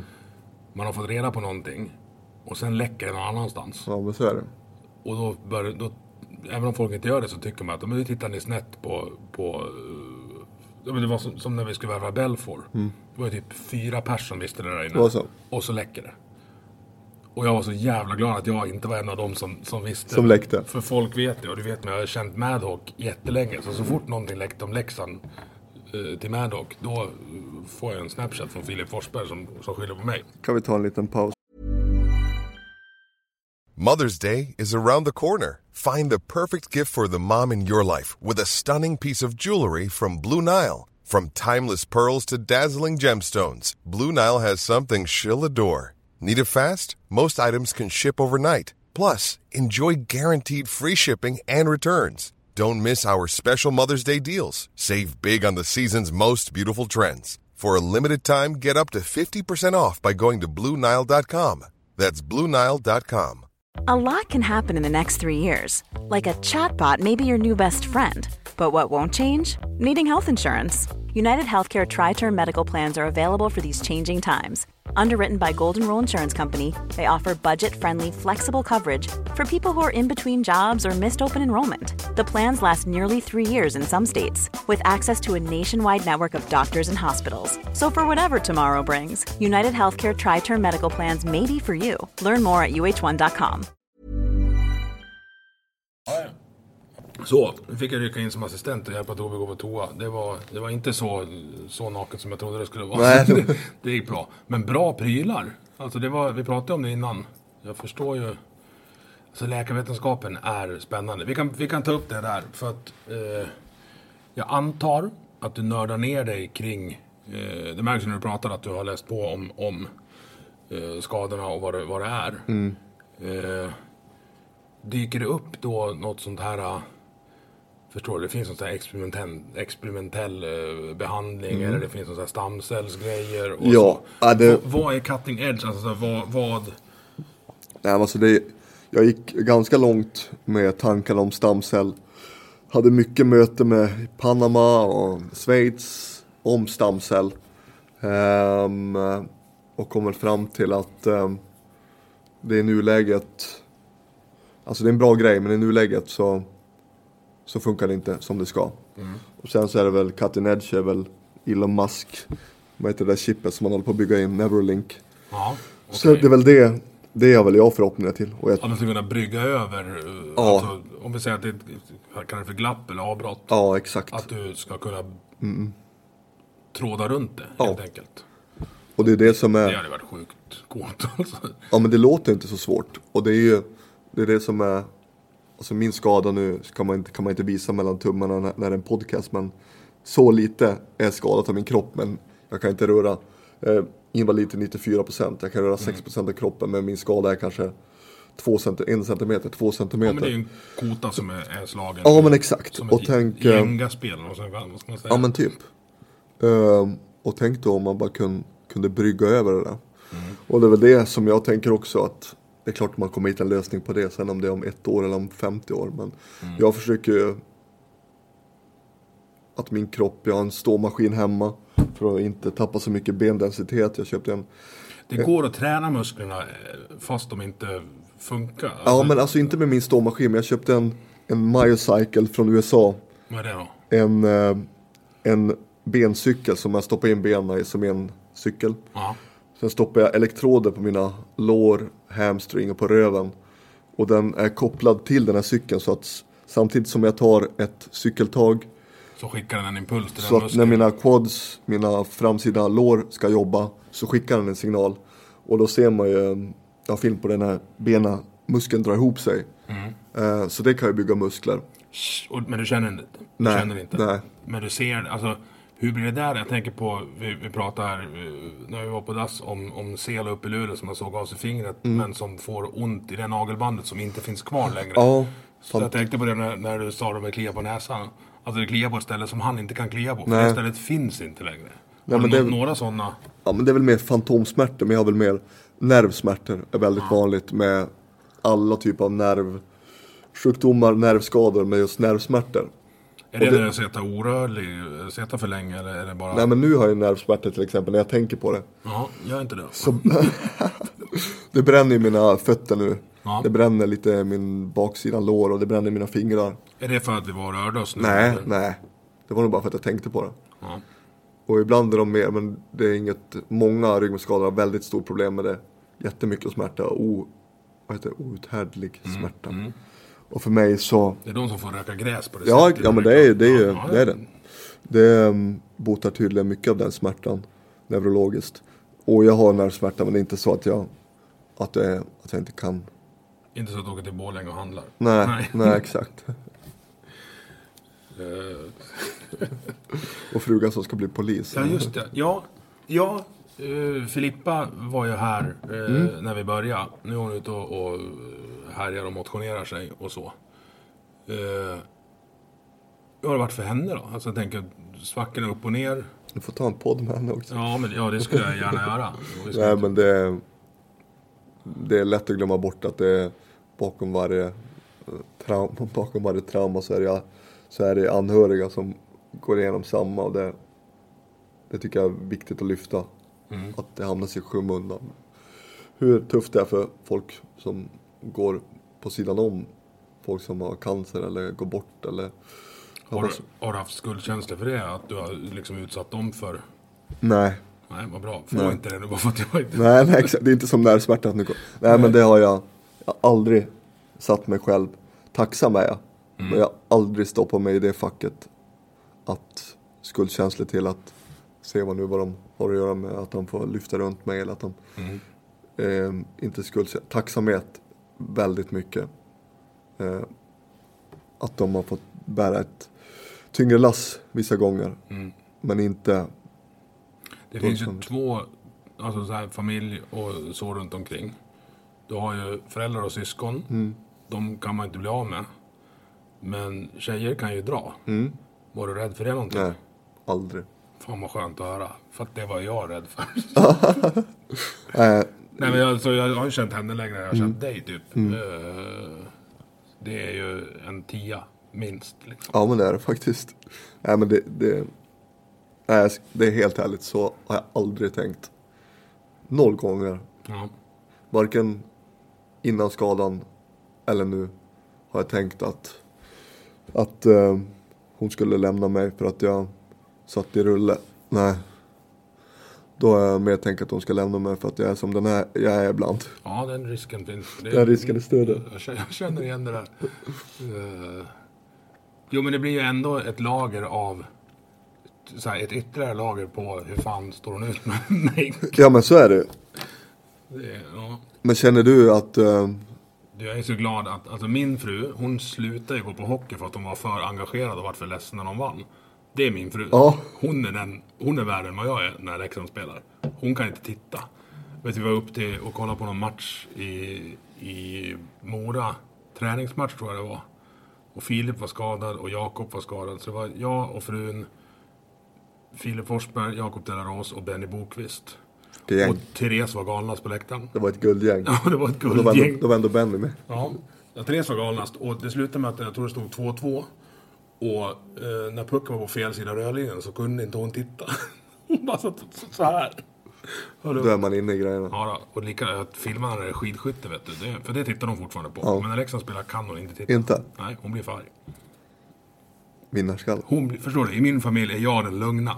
Det, är- Ja det säger ganska mycket. Ja, det är... Så. Nej, men det där, det där är ju en, en... Ja, jag var orolig för det. I, inte att det skulle hända, men att det skulle kunna krascha om hon drog, eller om du sa åt något. Alltså det finns ju folk som hamnar i situationer där, de- där de, där de eh, inte vill dra med sig fel ord. Men du fattar vad jag menar? Nej jag, jag, förstår, det, jag förstår vad du menar. Alltså den här ökade svårighetsgraden på livet vill de ta hand om själv. Vilket är dumt. Men också alltså så här lite white, vad heter det, white knight där, när man, när man försöker vara mer ridderlig än man egentligen behöver vara.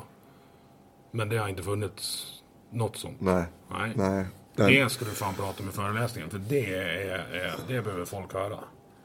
det är bra att du lyfter upp det. För det, den delen är, har man hört att så kan det vara ibland. Och det, det, ja, men jag har aldrig känt så. Det är jag väldigt tacksam för också. Det, Jag ska skicka ett klipp till er sen om, om en amerikansk föreläsare som pratar om äktenskap och vad det, vad det egentligen är. Jag tycker han, jag ska parafrasera nu, men han säger så här att äktenskap det är så här att, hör du, så här är jag. Det här är, är vad jag är bra på, det här är vad jag är dålig på och jag är långt ifrån perfekt. Och så säger någon annan så här, det är inte jag heller. Ska vi försöka lista ut det här tillsammans? Och sen är det så här, ja, och nu vet jag vad det är för fel och brister på dig och jag tänker inte dra. nej. Det är vad äktenskap är. Och det, jag har aldrig tänkt på det som, som så. Jag tänkte mer på det som en, som en eh, ceremoni. Vakta dina ord nu. Nej men eh, som en ceremoni på kärleken. Vad fan var inte du på mitt bröllop? Nej, jag var inte bjuden. Jo men stod, in- du stod utanför. Just det! Ja, för fan. Just det, jag var ju som... eh, Ja. Där hade du en... eh, Det hade Therese fixat när Knight vi kom ut. in charming ja, armor. när vi kom ut i kyrkan så stod det åtta Just det, det var helt magiskt. Leksandsspelare och skildrade. fint väder också. Och jag visste inte om det. Ja, just det, det var Hon hade, hon hade jättefint. mörkare. Vilka var det? Du, Martin, jag- Gabbe, Gab- Jensa. Ehm, Två Rit- Jensa. Både Rit- Nilsson och Bergenström var där. Ritto. Ritto. Ehm, Gabbe höll klubban åt fel håll. ja, det gjorde han. Den är enda. jävla Han- roligt. Vi fick en, håll, håll upp den högre. vi fick en instruktion. Ja, ja, Han höll den upp och ner och för lågt. ja, åt fel håll. Det var, nej, det var mm, bra Gabbe. Tack, tack, tack. Ja, det var coolt som fan. Men det, ja. Det fick mig att inse eh, vad det här med kärlek inte egentligen är. Men det gav ett nytt lager. Att det handlar inte om att man ska få den andra perfekt. Utan det handlar om att man ska, som jag sa med räkningar, man kan få komplettera varandras. Mm. Det pratade jag om Filippa i bilen på vägen hit faktiskt. Vi höll på att prata om varför jag är så osocial och hur jag skulle bli mer social människa.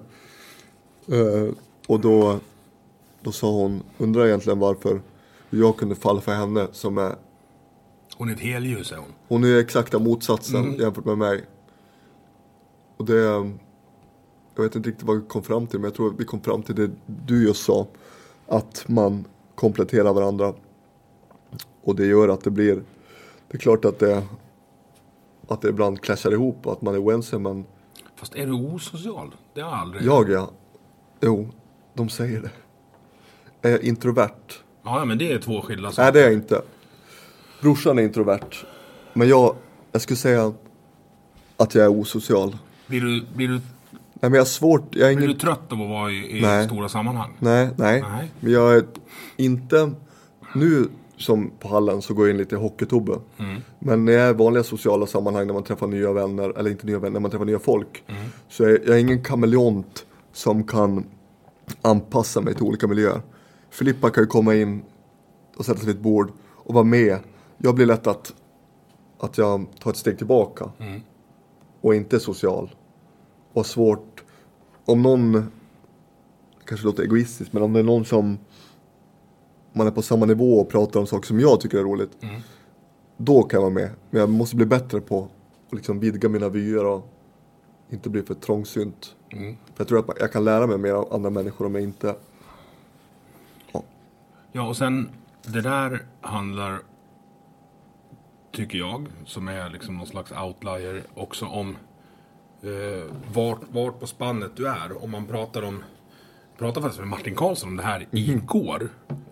Eh, nej, i torsdags när vi åkte till, till förra matchen. Han, han har ju flyttat ut nu så att jag har ju alltid skjuts hem en och en halv Just det, timme ni är efter grannar match. nu. Vilket är superdåligt för min alkoholkonsumtion.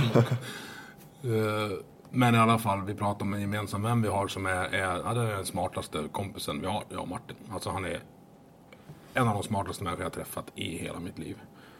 Eh, jag tänker, jag kan säga vem det är nu men jag får blipa det. Det är, okej.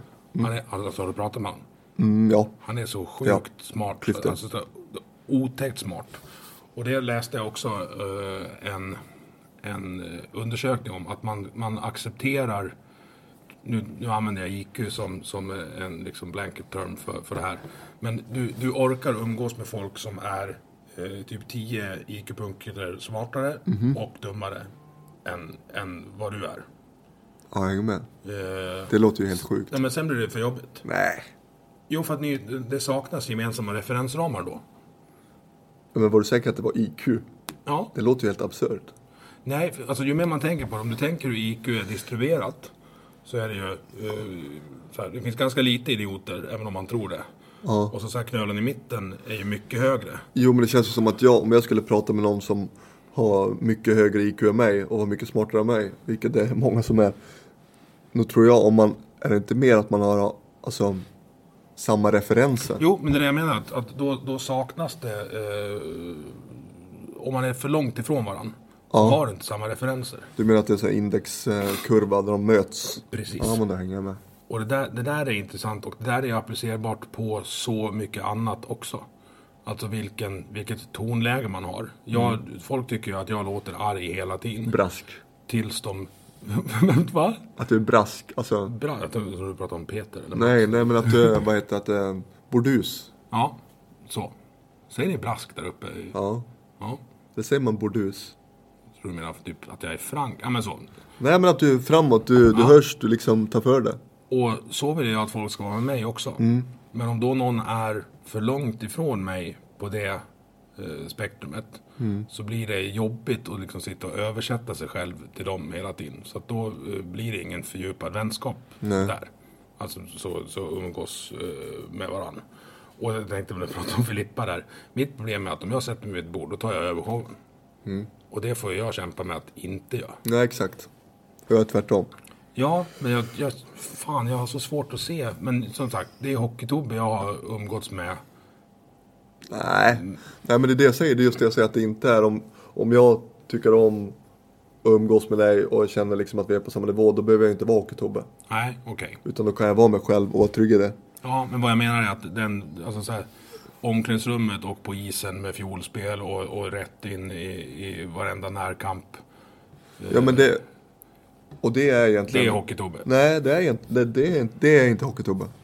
Okej. Men i vissa, Menar du att det blir grabbigt eller vad menar du att det blir? nej men alltså. Ett stort sammanhang där det är mycket folk. Och man ska träffa många folk på samtidigt. Då kan det bli Hockeytobbe, Robot-Tobbe. Att man går in i en trygghet att då blir jag mer social än vad jag egentligen är. Okej. Ja, ja, då, Fattar fatt, du med? fattar jag. Att, ja, men det kan, alltså, kan det bli jobbigt efter Nej men som, som igår, som när vi var med, de hade vunnit halsdukens dag, ett par fans med middag. Och då kom in alla in i rummet där, jag kom in och då slår jag på Hockey-Tobbe till en början. Och sen märker man ju liksom att jag blir mer trygg och då kan jag bli mer mig själv. Ja, okej. Men till en början, Det blir en rustning. Det blir, till början så blir den här rustningen att jag blir lite mer social än vad jag är egentligen. Och sen så när man har lärt känna de människorna då känner man att det här var ju trevligt och det här var härligt och då kan man bli med sig själv.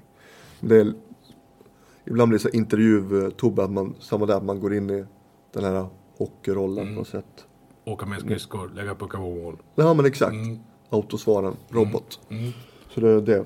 Det är ju en paradox där att du blir, att du blir mindre social ju mer Ja, socialt trygg du blir. Det är faktiskt Ja, jätte... Det har, ja. Det Jag, där, eller jag är omvänd. Ja. Stamceller och framtid. Mm. Eh, nu kommer nog, det här, det här är den frågan jag har. Så här, törs jag ställa den? Men det törs jag. Så här. Eh, hur funkar grejerna nedanför midjan? eh, Om att det är alltså samlivsmässigt Ja. och... För, alltså du känner ju ingenting. Nej. Och jag, alltså jag funderar jättemycket på så, eh, alltså möjligheten att skaffa barn. Mm. Det finns möjlighet att skaffa barn på vanligt sätt. Och där sitter någon läkare som ska gå inte gå in på rent hur det fysiskt funkar. Ja. Liksom att kunna få en boner eh, eller vad som helst.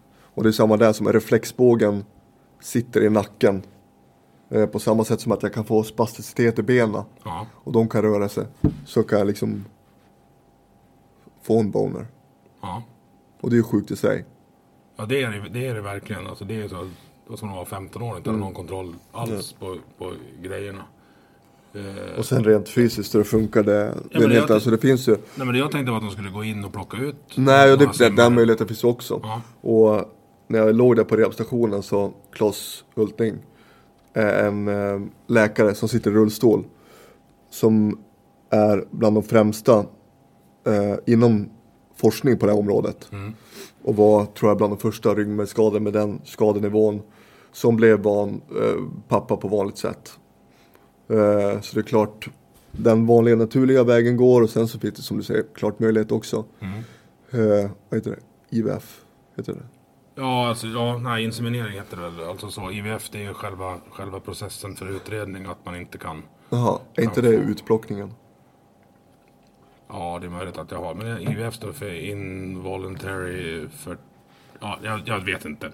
Det, jag kan ha fel. eh, Vi är inte så bra också. på våra läkartermer. Nej, det är eh, så. Inte utanför våra respektive områden. Vi kan saker om, om rygg, ryggmärgsgrejer och ADHD. Men det, Exakt. Jo, men jag, alltså, jag tänker också på... Du skruvar dig lite när du frågar. Ja, men det här tycker Det jag är är lite jobbigt. Nej, men jag, tänk, jag tänker också när man... Ja, men så här. Eh, när man drömmer om saker, Ja. i alla fall så, så tömmer man ju själv. Vad sa du, när man... När man drömmer, eh, alltså erotiska drömmar, Mm. ibland, i varje fall i, i, puberteten, så tömmer man ju själv. Ja. Är Nej, det, nej det, är, det är inget. nej. För det är också så här, som jag, som jag funderar på, att var, var, tar, var tar de vägen? Nej, nej exakt. Ehm, Lusten och så då? Var, nej men det, alltså det, det sitter i huvudet. ja. Kärlek sitter i huvudet liksom. ehm, det sitter så mycket i huvudet. Mm. Som liksom ehm, fysisk kontakt sitter i huvudet och liksom jag har ju, jag är här. Mm. Jag finns ju. Jag kan vara charmig. Mm. Ja, du kan försöka i alla fall. Ja, exakt. Nej men det, jag har lärt mig så mycket om mig själv både mentalt och fysiskt och den delen också att det, att främst att människan är otroligt anpassningsbar på alla sätt. Och det brukar jag tänka ibland också om, om jag hade vaknat upp imorgon och kunna gå, kunna göra allt som jag gjorde förut. Jag tror inte det hade dröjt länge innan jag hade glömt hur det var att vara så här. Då var det det min normala vardag. Ja, precis. Om, om, du, om Musk kommer hit med en, en Ja men exakt, ett Så. chip. Så hade det varit helt sjukt men sen så, vi är väldigt anpassningsbara. På gott och ont. Ibland är vi för anpassningsbara att vi nöjer oss med vår situation. Vi är väldigt, väldigt anpassningsbara. Speciellt i, eh, sådana extrema situationer så, så kan vi anpassa oss vi, kroppen tål enormt mycket stryk. Ja, det där... Det, så här, den är både extremt stark, Mm. men den är också extremt skör. Alltså prova att hålla andan i fem minuter för att se hur du mår.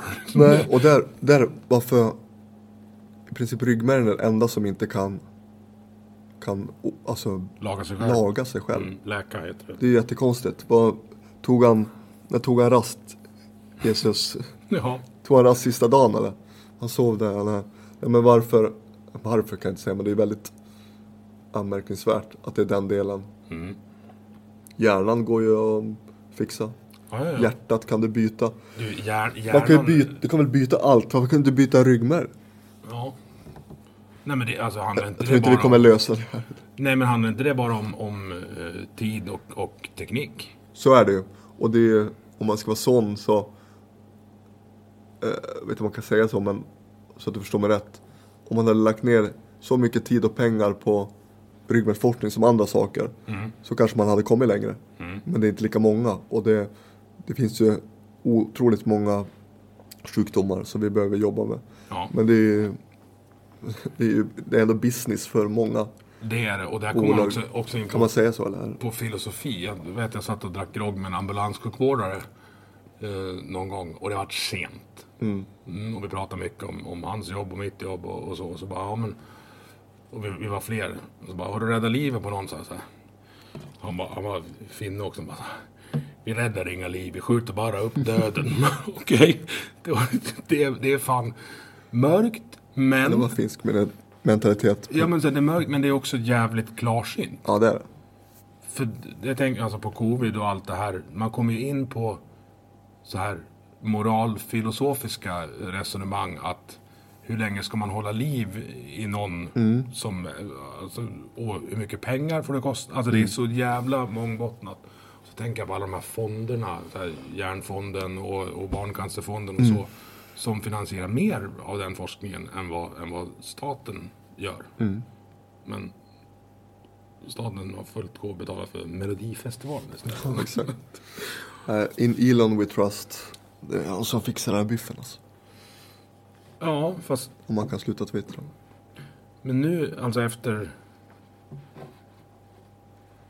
Sen när vi har pratat i två timmar snart. Har du gjort det? Ja, men finns det vi, någon, prat, vi pratade om Joe Rogan innan, det här blev ju... fin, finns det någon biff att fixa då? Alltså, Ja, den här biffen är bak i nacken skulle ja, men här, jag är mindre orolig för det nu än vad jag var efter föreläsningen. Inte för att jag var orolig då. Nu, Hur menar du då? Nej men så här. Jag tycker att balansen av acceptans och uh, vilja framåt Mm. känns jävligt sund. Nu, Nu, men efter nu. föreläsningen. Nej men alltså, så här, den var ju bara en 40 minuter. Ja, ja, bara, okej. alltså, jag, hann- jag, och jag ställde inga dumma frågor Nej. då. Eh, ja, det blir bra. Och så tror jag att jag kan, även fast du sitter, sitter ner och jag står upp, så tror jag att jag kommer inte vara orolig för att, att prata med dig igen. Inte för att jag, men du förstår, jag vill prata om att jag inte riktigt Nej, och jag, jag, jag visste vilka... Alltså de här frågorna inte jag fått förut. Nej. Och jag tänkte vägen hit liksom. Ska jag svara, ska jag svara ärligt som jag känner? Och det gjorde jag nu. Mm. Och det... Nu tänker jag lite så här. Vad sa jag? Mm. Jag känner ändå liksom bara... Ska Filippa få lyssna igenom innan vi publicerar? Nej, nej, verkligen inte. Nej, men jag känner att jag tycker det är så viktigt. För det är exakt det du frågar nu är det många som funderar på. Mm. Och det är saker som, som jag inte visste fördes med, eller saker som jag inte visste som hade med ryggmärgsskador att göra. Jag trodde att det var en förlamning, man kunde inte röra sig. Men som alla saker jag berättar nu med autonom dysreflexi, med spasticitet, med massa saker. Det, jag tycker det är bra att folk får veta. Och det är samma, det var skönt för mig när jag berättade, när mina vänner fick veta om Åh, varför hoppar dina ben eller vad ska de göra. Eller, det, det ger trygghet för mig och det gör folk mer lugna i situationen. Och det är ju, så är det med allt. Kunskap gör ju att man slipper få förutsatta meningar. Att man slipper, slipper hitta på själv och tro att ja, det är klart Ja. man kan googla saker men det, saker är ju som de är. Ja, och alltså Google, då får du reda på hårda fakta. Sen ska du lägga på lager av personlighet, Mm. dagsform och bakgrund och, och just den specifika skada. Eh, alltså vilken kota det är antar jag påverkar. Ja, ja, ja, alltså, det där skulle vi kunna... ja, jag har tusen frågor till. Mm. Vi får göra en uppföljning om, om något år. Ja, Ja, jag tror jag är nöjd där. och jag med. Ja, det Ja, men tack för ett jättebra samtal Emil. Det är alltid lika kul att kättra med dig. Du har lyssnat på Vi måste prata som produceras av mig, Emil Nilsson. Tycker du om det du hörde? Dela avsnittet med dina vänner och på sociala medier. Vill du stötta podden kan du göra det via Patreon där du hittar den på patreon.com snedstreck vi måste prata i ett ord. Eller så swishar du en slant till nummer 123 671 46 79. Vi hörs!